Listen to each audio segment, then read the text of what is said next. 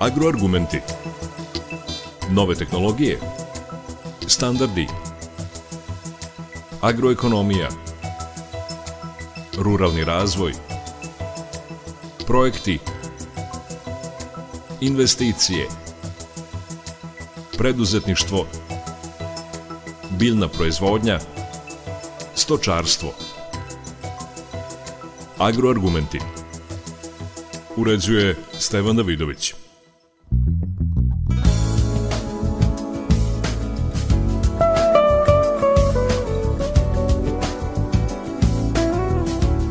Dobar dan. U toku je setva pšenice, a oni ratari koji iskoriste preporuke stručnjaka mogu se nadati dobrom rodu. To je naročito bitno u sadašnjim okolnostima kada je i berzanska cena žita i cena setve visoka. Zato u agroargumentima govorimo o tome gde se greši i koje su novine u oblasti proizvodnje pšenice u našim uslovima. Gost je stručnjak Novosadskog instituta za ratarstvo i povrtarstvo Radivoje Jevtić.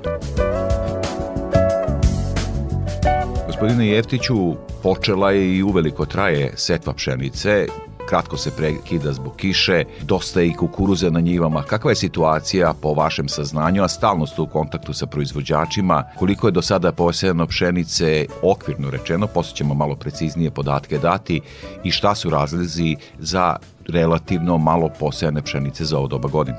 Ako gledamo optimalni e, rok e, pšenice, naravno da ti optimalni rokovi polako ističu, znači ako uzmemo da je to 25 oktobar, znači da je došlo do probijanja tog nekog optimalnog roka. Međutim, to poslednjih godina ni, ništa neobičajeno, zbog toga što uh, vidimo da setva polako već prelazi u novembar mesec, što neki tumače i na dolazećim znači, klimatskim promenama da će i biti u perspektivi to pomerenje rokova. Naravno da površine koje su zasejane u ovom momentu ne ohrabruju, međutim treba imati u vidu da su bile znači obilne padavine i da su one obezbedile taj nedostatak vlage koji je bio pa je onda za očekivati da će doći do ubrzanog klijanja i nicanja što je opet e, naravno prednost ukoliko dođe do setve u narednom periodu. Ove sezone karakteristično i da predusev kukuruz koji je često predusev pšenici e, dugo se zadržao na njivama. Da, kukuruz se dugo zadržao na njivama i to predstavlja veliki problem za poljoprivredne proizvođače, naročito one koji nemaju, da kažemo, moćnu mehanizaciju ili, da kažemo, široko zahvatne agregate, tako da je veliki problem kako se rešiti na neki način tih žetvenih ostataka i, i naravno da je mera koja ne sme da se upotrebljava, to je takozvano znači paljenje žetvenih ostataka, tako da poljoprivredni proizvođači onda zaista imaju veliki problem kako da, kako da poseju. O paljenju žetvenih e, ostataka kao izuzetno štetnoj meri u agraru ćemo govoriti u e, nastavku našeg razgovora, ali da se sad koncentrišemo na ovaj kukuruz kao relativan problem kod malih proizvođača sa slabijom mehanizacijom, kako se ipak to može prevazići da se zaoru ostaci, da zemlja dobije ono što treba da dobije, a da se opet uradi taj setveni sloj e, dosta fino da se pšenica dobro kontaktira sa zemljom. Poljoprivredni proizvođači koji nemaju, znači da kažemo, takozvane teške tanjirače, naravno da onda pribegavaju oranju, jer to je jedini način da dolazi do rešavanja tih žetvenih ostataka i naravno da onda to vuče druge operacije koje moraju da se urade, a vrlo su kratki rokovi zbog toga što je posle ovih padavina znači visoka eventualno vlažnost zemljišta i onda poljoprivredni proizvođači moraju da biraju moment kad tačno je optimalan taj neki moment da, da urade tu, da kažemo, osnovnu obradu. E sad, e, počeli smo razgovor da ste stalno u kontaktu s poljoprivrednicima i naravno na terenu bilo je nešto padavina. Kako ocenjujete trenutnu vlažnost zemljišta i koliko je ona pogodna za setvu? Pa mislimo da u ovom momentu vlage ima sasvim dovoljno u zemljištu i čak zbog toga što je umeđu vremenu dolazilo do stalno nekih manjih e, količina, da kažem, padavina, onda se e, podizala ta vlažno zemljište, tako da poljoprivredni proizvođači su morali znači da eventualno prekidaju tu neku neku pripremu, ali oni to već imaju veliko iskustvo i znaju tačno moment kad uh, je pogodno da, da se ovaj urade određene operacije u zavisnosti od tipa zemljišta koji je na, u regionu u kome, ovaj, u kome rade. Ovogodišnju setvu pšenice prati i to da su poskupila đubriva, gorivo, to je svetski, da kažem, problem, gorivo, energija, mnogo se o tome govori. Kako u takvim uslovima, kada će sigurno veći broj poljoprivrednika redukovati aktivnosti na njivama kada je reč o proizvodnji pšenice, kako ipak proizvesti vrhunske prinose? Da li je to moguće? Pa mislim da će biti ove godine veliki problem, prvo zato što eh, kod mnogih poljoprivrednih proizvođača i ranije godine je izostavljalo to, znači osnovno đubrenje, a ove godine će to sigurno biti uh, još izraženije. Naravno, ukoliko izostavite to osnovno đubrivo, da onda ste izostavili količinu uh, fosfora, kalijuma, naravno manja količina azota koju unosite, zato što su to elementi koji ostaju tamo gde se gde se unesu i onda samim tim je to na neki način nadoknadivo znači za procese koji će se dešavati u daljem toku vegetacije naročito znači kad dolazi do formiranja reproduktivnih organa je prihranjivanja koja idu tokom prolećnog uh, dela vegetacije jednostavno ne mogu da ne mogu da dok, nadoknade znači ove elemente. Profesor Malešević i doktor Aćin i moja malenkost smo radili e, proračun, znači koliko je potrebno ove godine uložiti za proizvodnju po hektaru, tako da smo došli do neke sume od 100 ukoliko bi se primenile znači sve e, agrotehničke mere, negde oko 108.500 dinara bi bilo potrebno znači da, da poljoprivrednik e, znači uloži da bi mogao da zasnuje proizvodnju i da ta proizvodnja mu osigurava da primeni sve agrotehničke mere i da onda očekuje taj neki maksimalan prinos što je znači izuzetno ovaj, visoka znači cena. I sad kad smo u ovom delu razgovora odma i institut za ratarstvo i povrtarstvo kao institut od nacionalnog značaja sigurno ima evidenciju i o površinama, o čemu ćemo naravno kasnije, Kako je interesovanje poljoprivrednika, to je pitanje, dakle koliko semena pšenice, jer e, bojim se da će kada su ovako troškovi visoki, da će doći do ozbiljne količine setve, odnosno do setve sa tavana.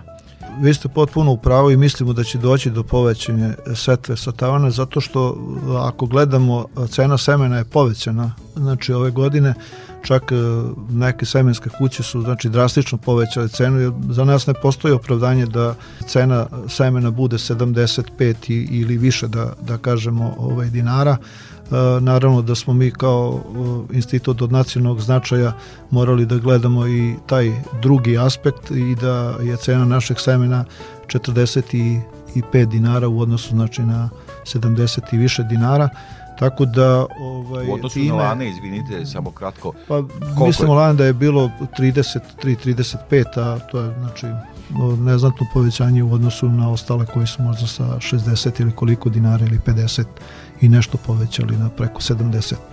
Tako da mislimo da naše seme nije ništa lošije od, od e, tih drugih semenskih kuća, ali znači odgovorno tvrdim da novosadske sorte stranih žita su veoma konkurentne i rekao bi čak da, da su možda u nekim aspektima i daleko iz drugih sorti koje se veju. Generalno posmatrujući, dakle, nezavisno od semenske kuće, e, setva sa tavana, koliki je problem i šta onda treba raditi, gde e, su onda problemi, koji su saveti? Pa poljoprivredni proizvođači verovatno su imali u vidu da i prošla, a i pretprošla godina što se tiče napada e, fuzarioze klasa, znači nije, nije bila problematična i faktički sa možda jednim tretmanom koji je bio u tom nekom, da, da kažemo, fazi e, cvetanje moglo da, da se pokriju e, ceo kompletna zaštita protiv patogena, a samim tim znači da je, da je i seme koje je proizvedena na taj način da, ovaj, da će imati dobre karakteristike kao, se, kao seme, kao semenski, kao semenski usevi. E, međutim, e, ove godine je došlo značajno do pojave glavnice to je znači davno za, zaboravljena ovaj, e, da kažemo bolest i veliki problem je predstavljao što neki poljoprivredni proizvođači su sejući svoje seme u ovoj godini imali problem jer nisu mogli da, da predaju taj rod. Tako da dok se ne dese tako neke stvari onda se i ne vidi prava vrednost upotrebe tog deklarisanog semena koje je naravno i tretirano odgovarajućim fungicidima pa samim tim i sprečavanju širenju, širenju određenih patogena. S druge strane, tamo gde je ponovljena setva ili setva u monokulturi, znači da koja se dešava svake godine, veliki je rizik od tih patogena koji se nalaze u zemljištu i u tim žetvenim ostacima, znači koji, koji su od prethodnog useva, pogotovo ako je reč znači, o, o stranim žitima, tako on, da onda dolazi do izražaja ti neki patogeni koji se ili ređe javljaju, ali znači pošto prezimljavaju zemljištu naravno da onda imaju sve uslove da te biljke koje su slabo, da kažemo, imaju slabu kondiciju, da onda dolazi do tih e, često zaraza i do velike problema.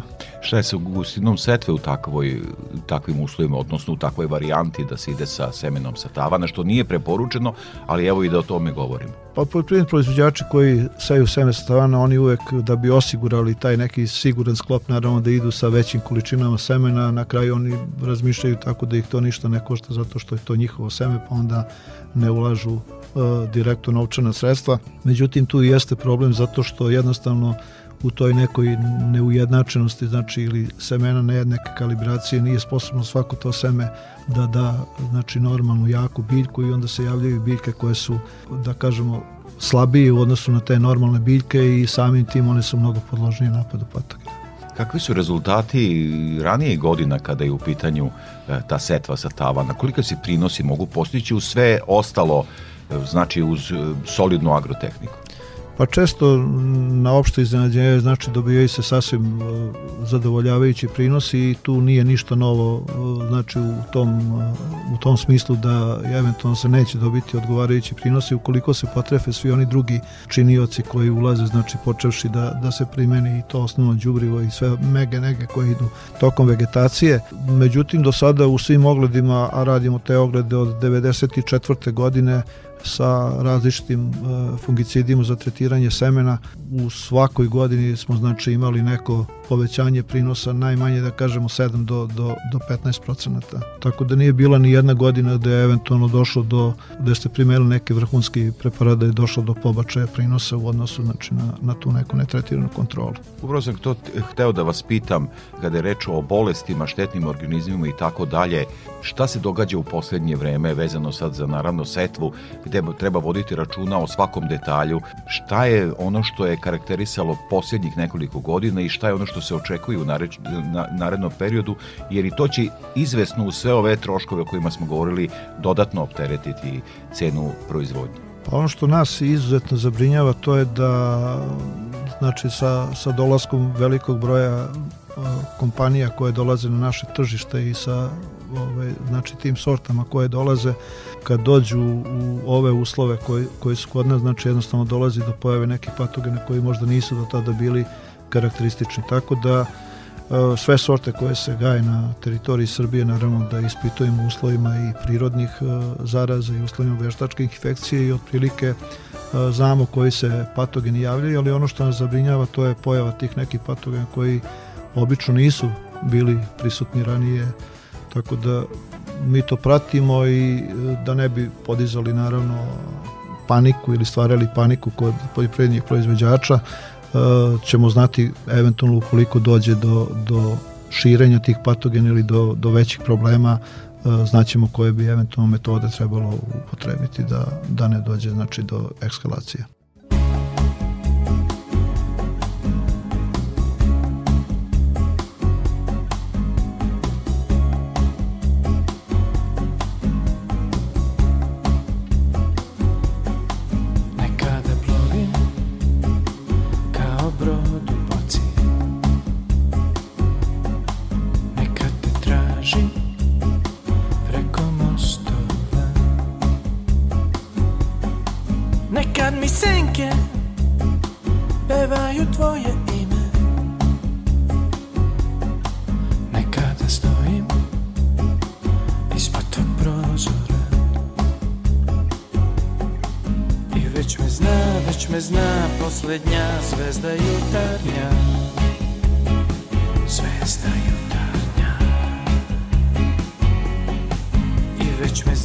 Noć me zna, poslednja zvezda jutarnja.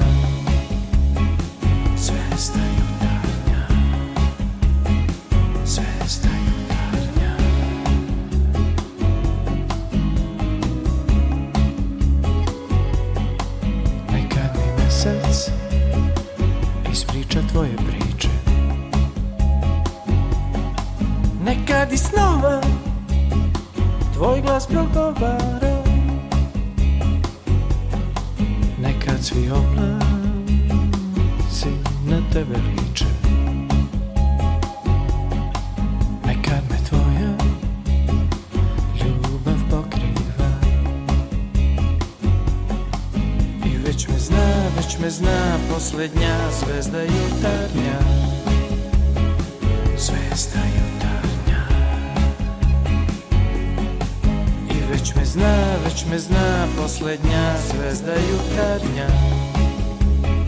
Zvezda jutarnja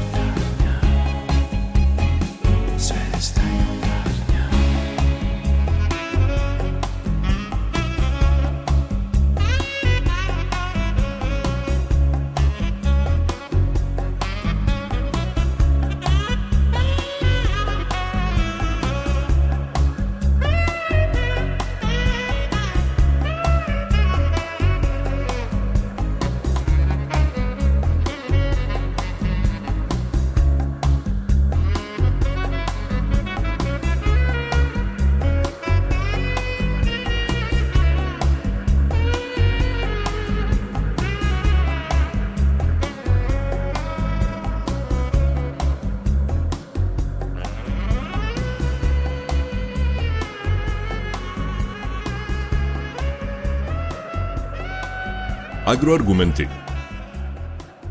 Evo, gospodine Jetiću, stalno spominjemo troškove, međutim ono što je isto karakteristika ove sezone da je setva u vreme kada je i cena pšenice izuzetno povoljna za naše poljoprivrednike, visoke cene na berzama, u, uopšte primarnih agra, poljoprivrednih proizvoda pa i pšenice. Dakle, e, koliko je interesovanje poljoprivrednika, koliko je taj podatak delovao i koliko je do sada prema nekim nepotpunim podacima s kojim raspolažete posejano pšenice? Mislim da interesovanje postoji i da će što se tiče površina ona biti na znači broj ako gledamo hektare biti na nekoj običajnoj e, površini u Srbiji a to je negde oko između 550 i 600 e, hiljada hektara.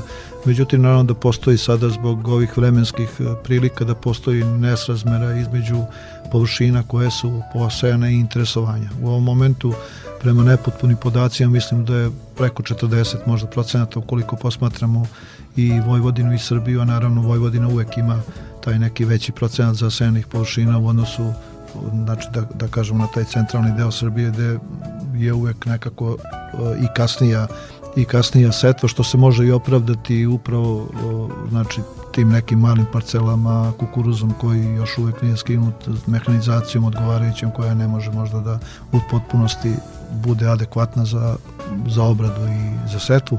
Tako da koliko gledamo u odnosu na prošlu godinu, recimo i prošle godine je taj neki procenat negde oko 10. E, novembra bio možda 80 i nešto procenata recimo u Vojvodinu u odnosu na 70 i nešto koliko je bilo u Srbiji a kasnije su naravno ispoštovani ti što se tiče površina, znači te neke kvote oko 6000. Govorili smo o ceni, o bolestima, štetnim organizmima. Klimu e, nismo dotakli, a imam utisak da ona e, izuzetno utiče i sve će više uticati s obzirom na to da se evidentno i za građani to vide već. Kakvi su izazovi pred pšenicom kada je klima u pitanju? Ovo vas pitam i u kontekstu ovog relativno kašnjenja sa setvom. Ako se malo kasnije zase, a hladna bude zima, što nije isključeno, koliko to može uticati na, na, na prinos?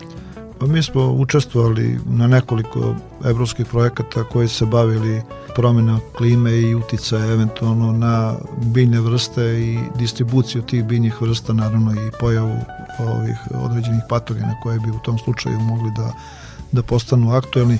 Tako da mislimo da i to neko E, pomeranje tih nekih e, rokova setve je povezano znači sa tim nekim e, promenama. Sama promjena klime, bar tako stručnici kažu, se upravo gleda u tome u tim nekim drastičnim variranjima, znači toplog, smenjivanja toplog, hladnog vremena, znači neobičajnog, ne, nepravilnog, da kažemo, rasporeda padavina, tako da ne možemo nikad biti potpuno sigurni nekada čak i, i ovi rokovi koji su znači iznad tih nekih optimalnih u pojedinim godinama mogu da u, u zavisnosti od prolećnog dela vegetacije daju da ne kažemo bolji prinos, ali ono što je na osnovu istraživanja potvrđeno to je da ipak ti neki optimalni rokovi Uh, ako gledamo te neke višegodišnje proseke daju bolje rezultate zato što jednostavno ako razmišljamo i logično da onda biljka ima da kažemo do kraja vegetacije i veći broj dana i da onda uh, laganije prolazi, prolazi sve te uh, fenofaze znači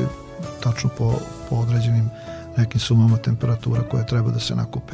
Naravno da ukoliko dođe do brzog porasta i znači e, usevi uđu jako razvijeni u taj period da kažemo e, niskih temperatura da onda mogu e, nastati problemi. Međutim naravno mi ne možemo da, da se oslonimo na to i da to prihvatimo a priori. Neke godine to zaista jeste problema pojedinih godina uopšte nema problema tako da ne postoji neko pravilo Sad predlažem da, pošto smo do sada razgovarali, a sve što ste govorili bilo, bilo je ujedno i savet našim poljoprivrednicima, dosta toga je u toj formi bilo.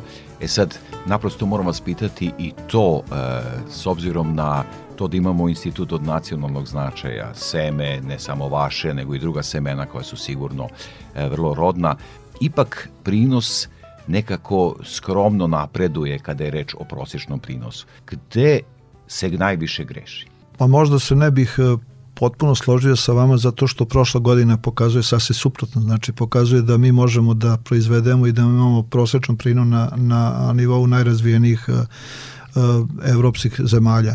Greši se tu gde poljoprivredni proizvođači moraju da, da uštede, znači zbog cena, recimo evo sad su nenormalno otišle cene ovaj, mineralnih đubriva, naravno da svi ti koji ne primene, primene ovaj, u tom znači to predoslovno đubrenje ne urade naravno da samim tim neće imati znači te neke potpune efekte. Evo pričali smo znači o, o fosforu koji, koji se unosi i, i kalijum naravno da neće imati onda potpune efekte biljka da može da ispolje svoj genski potencijal A ako gledamo na tim manjim eksperimentnim parcelama, pa mi tu imamo zaista vrhunske prinose koji prelaze i da ne kažem preko 12, 13 i, i više tona.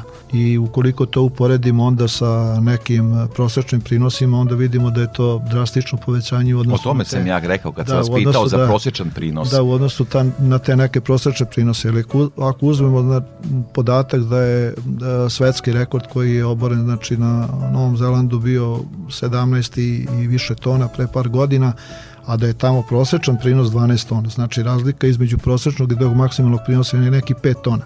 Pa ako uzmemo kod nas da imamo prinose od 12 i više tona i da uzmemo neki prosečan prinos, ajde da prošle godine bio veći, ali da je on recimo oko 5 tona, pa vidite kod nas je razlika između tog maksimalnog i prosečnog prinosa skoro 7 tona. To znači da da mi znamo da proizvedemo i da možemo da dobijemo te vrhunske prinose na nivou tih, da kažemo, svetskih rekorda, ali naravno u ovim, u ovim okolnostima. Da, i da se to, da kako kažem, proširi na prosek, da i prosek skoči, da to naprosto, mada ne mogu svi, nije su ni kvalitet zemljišta. Pa uvek, uvek je tu problem, znači izme, između, pošto je kod nas dosta ovaj, su usitnjeni e, potez, znači, e, ali kod ljudi koji se zaista bave poljoprivredom i koji primenjuju vrhunsku agrotehniku, imaju odgovarajuću mehanizaciju, pa oni postižu bez problema preko 10-11 tona i oni su čak i nezadovoljni takvim prinosima zato što su uložili maksimum i očekaju da, da im se to vrati. A kakav je kvalitet našeg zrna? Pa to je stvarno tema koja se, e, o kojoj se e, diskutuje i koja se uvek pokreće kad e, dođe žetva pšenice, međutim e, to je tema koja je treba da bude pokrenuta nešto ranije, znači pre setve, pa da se onda zna tačno šta ćemo posejati i šta možemo očekivati na osnovu potencijala koje nose pojedine sorte što se tiče kvaliteta. Iznao sam taj podatak 2011. godine, mi smo imali u proizvodnji skoro uh, oko 50% sorti koje su bile znači visoko, visoko kvalitetne koje su mogle da obezbede taj odličan tehnološki kvalitet da bi se u ovim okolnostima sada sejale svega na možda 20%.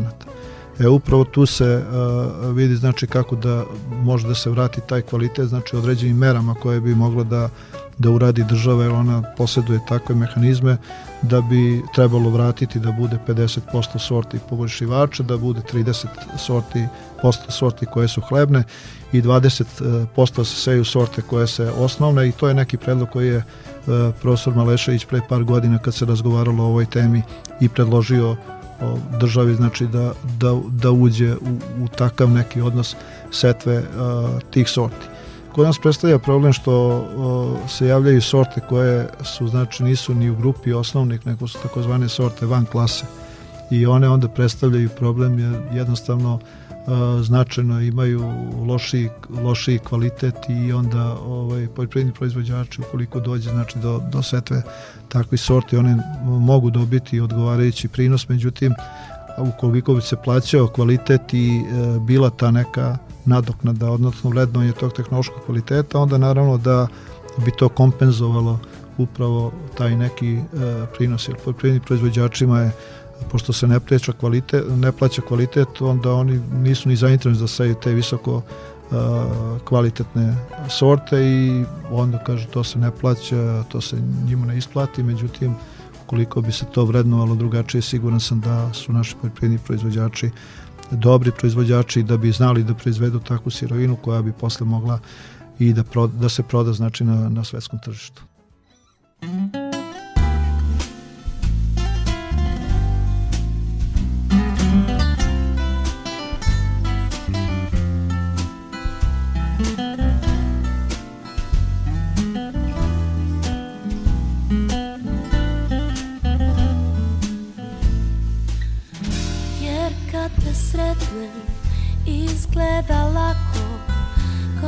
Će večno trajati A onda srce zakuca jako Ne ume ništa kazati. Ne sklanjam pogled ni osmeh s lica I tražim reči, al nem je glas. I sva treperi ko ocijaj svica počinjem ko polje maka se pa mi na obraze juriša. Vatra čarobne slasti kao permet gosn kiša. I kidam reči slatki uzdah Ko kad se kuglo izmrvi Dva zrna skrozda protkana suncem A samo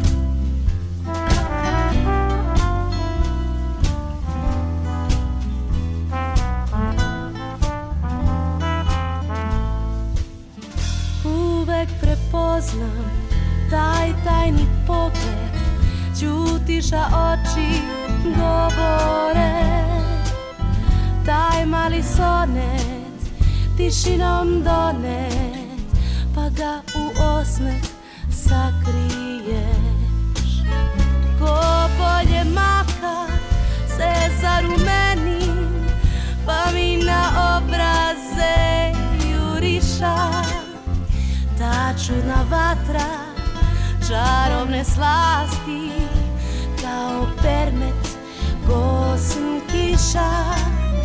I kidam reči slatki uzdah Ko kad se kuglo izmrvi.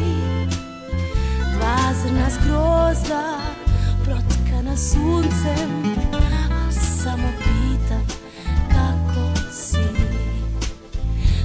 Prazna zgrozda Protkana suncem Al samo pitam kako si. Vazna zgrozda Protkana suncem Al samo pitam kako si. Agroargumenti. I dva pitanja za kraj e, ovog razgovora imaju neke dodirne tačke. Prvo pitanje je, e, vi se prvenstveno bavite zaštitom e, bilja, pšenice zaštitom. Kakve su novine u svetu na tom polju? Šta čini institut? Imate dosta projekata u tom svetu i to u kontekstu onog paljenja žetvenih ostataka, jedan od razloga naravno da je i da se ti te štetni materijali, koliko je to netačno, ali da krenemo od ovih projekata i šta su trendovi u svetu. Činjenica se ja bavim u stvari oplemenjivanjem na otpornost i posmatram onda sa, sa tog aspekta, znači taj segment e, stvaranja takvih genotipova gde će doći znači, do unošenja određenih gena otpornosti i onda manje upotrebe hemijskih e, sredstava i rekao bi da je to neki trend koji je u ovom momentu ne samo u Evropi nego i u svetu znači ti, primjena svih tih nekih drugih integralnih e, mera zaštite i mislimo da će neminovno doći možda u narednim godinama do e, smanjenja upotrebe sredstava hemijskog porekla i da će čak e, preparati koji su na bazi, znači da kažemo, e, nekih drugih materija ili bio, biopreparati zauzimati skoro 30% u, samoj zaštiti. Ono što su neke novine, to je znači lagani ulazak tih, e, da kažemo, nekih nanotehnologija, gde će se jednostavno upotrebiti za e, pravljenje takvih preparata koji će onda biljka e, mnogo brže usvajati, koji će biti mnogo delotvorniji i u, u tom slučaju će biti potrebna i manja količina aktivne materije da, da se primeni, a to će opet uticati na zaštitu životne sredine i naravno efikasnost tih preparata se jednostavno neće menjati.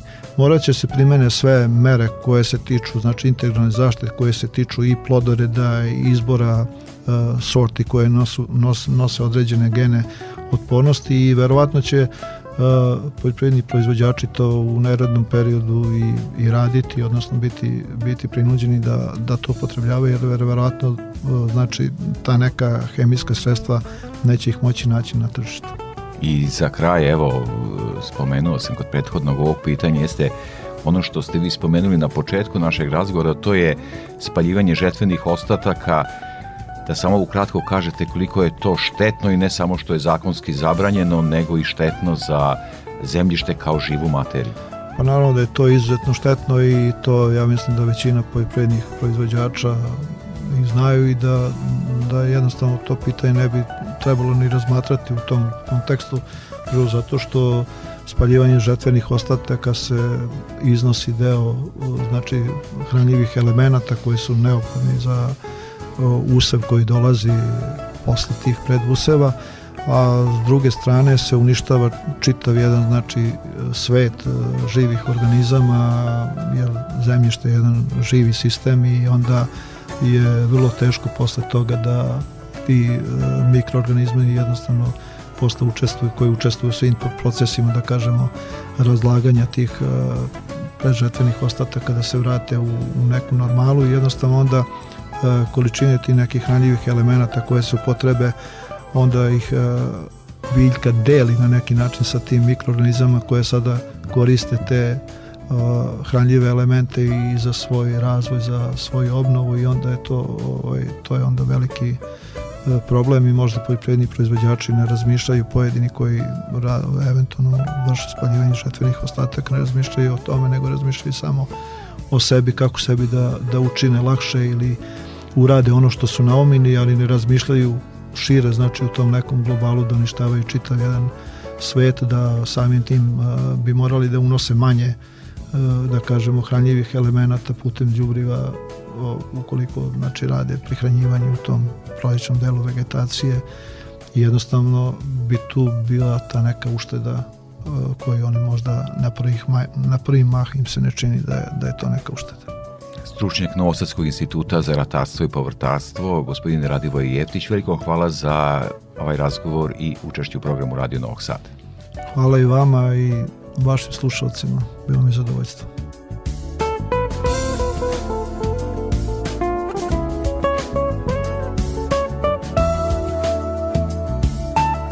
Slušali ste agroargumente, tema je bila aktuelna seta pšenice. Pozdravlja vas urednik i voditelj Stevan Davidović. Emisiju možete slušati odloženo na portalu Radio Televizije Vojvodine na adresi rtv.rs. Ostanite uz naš program.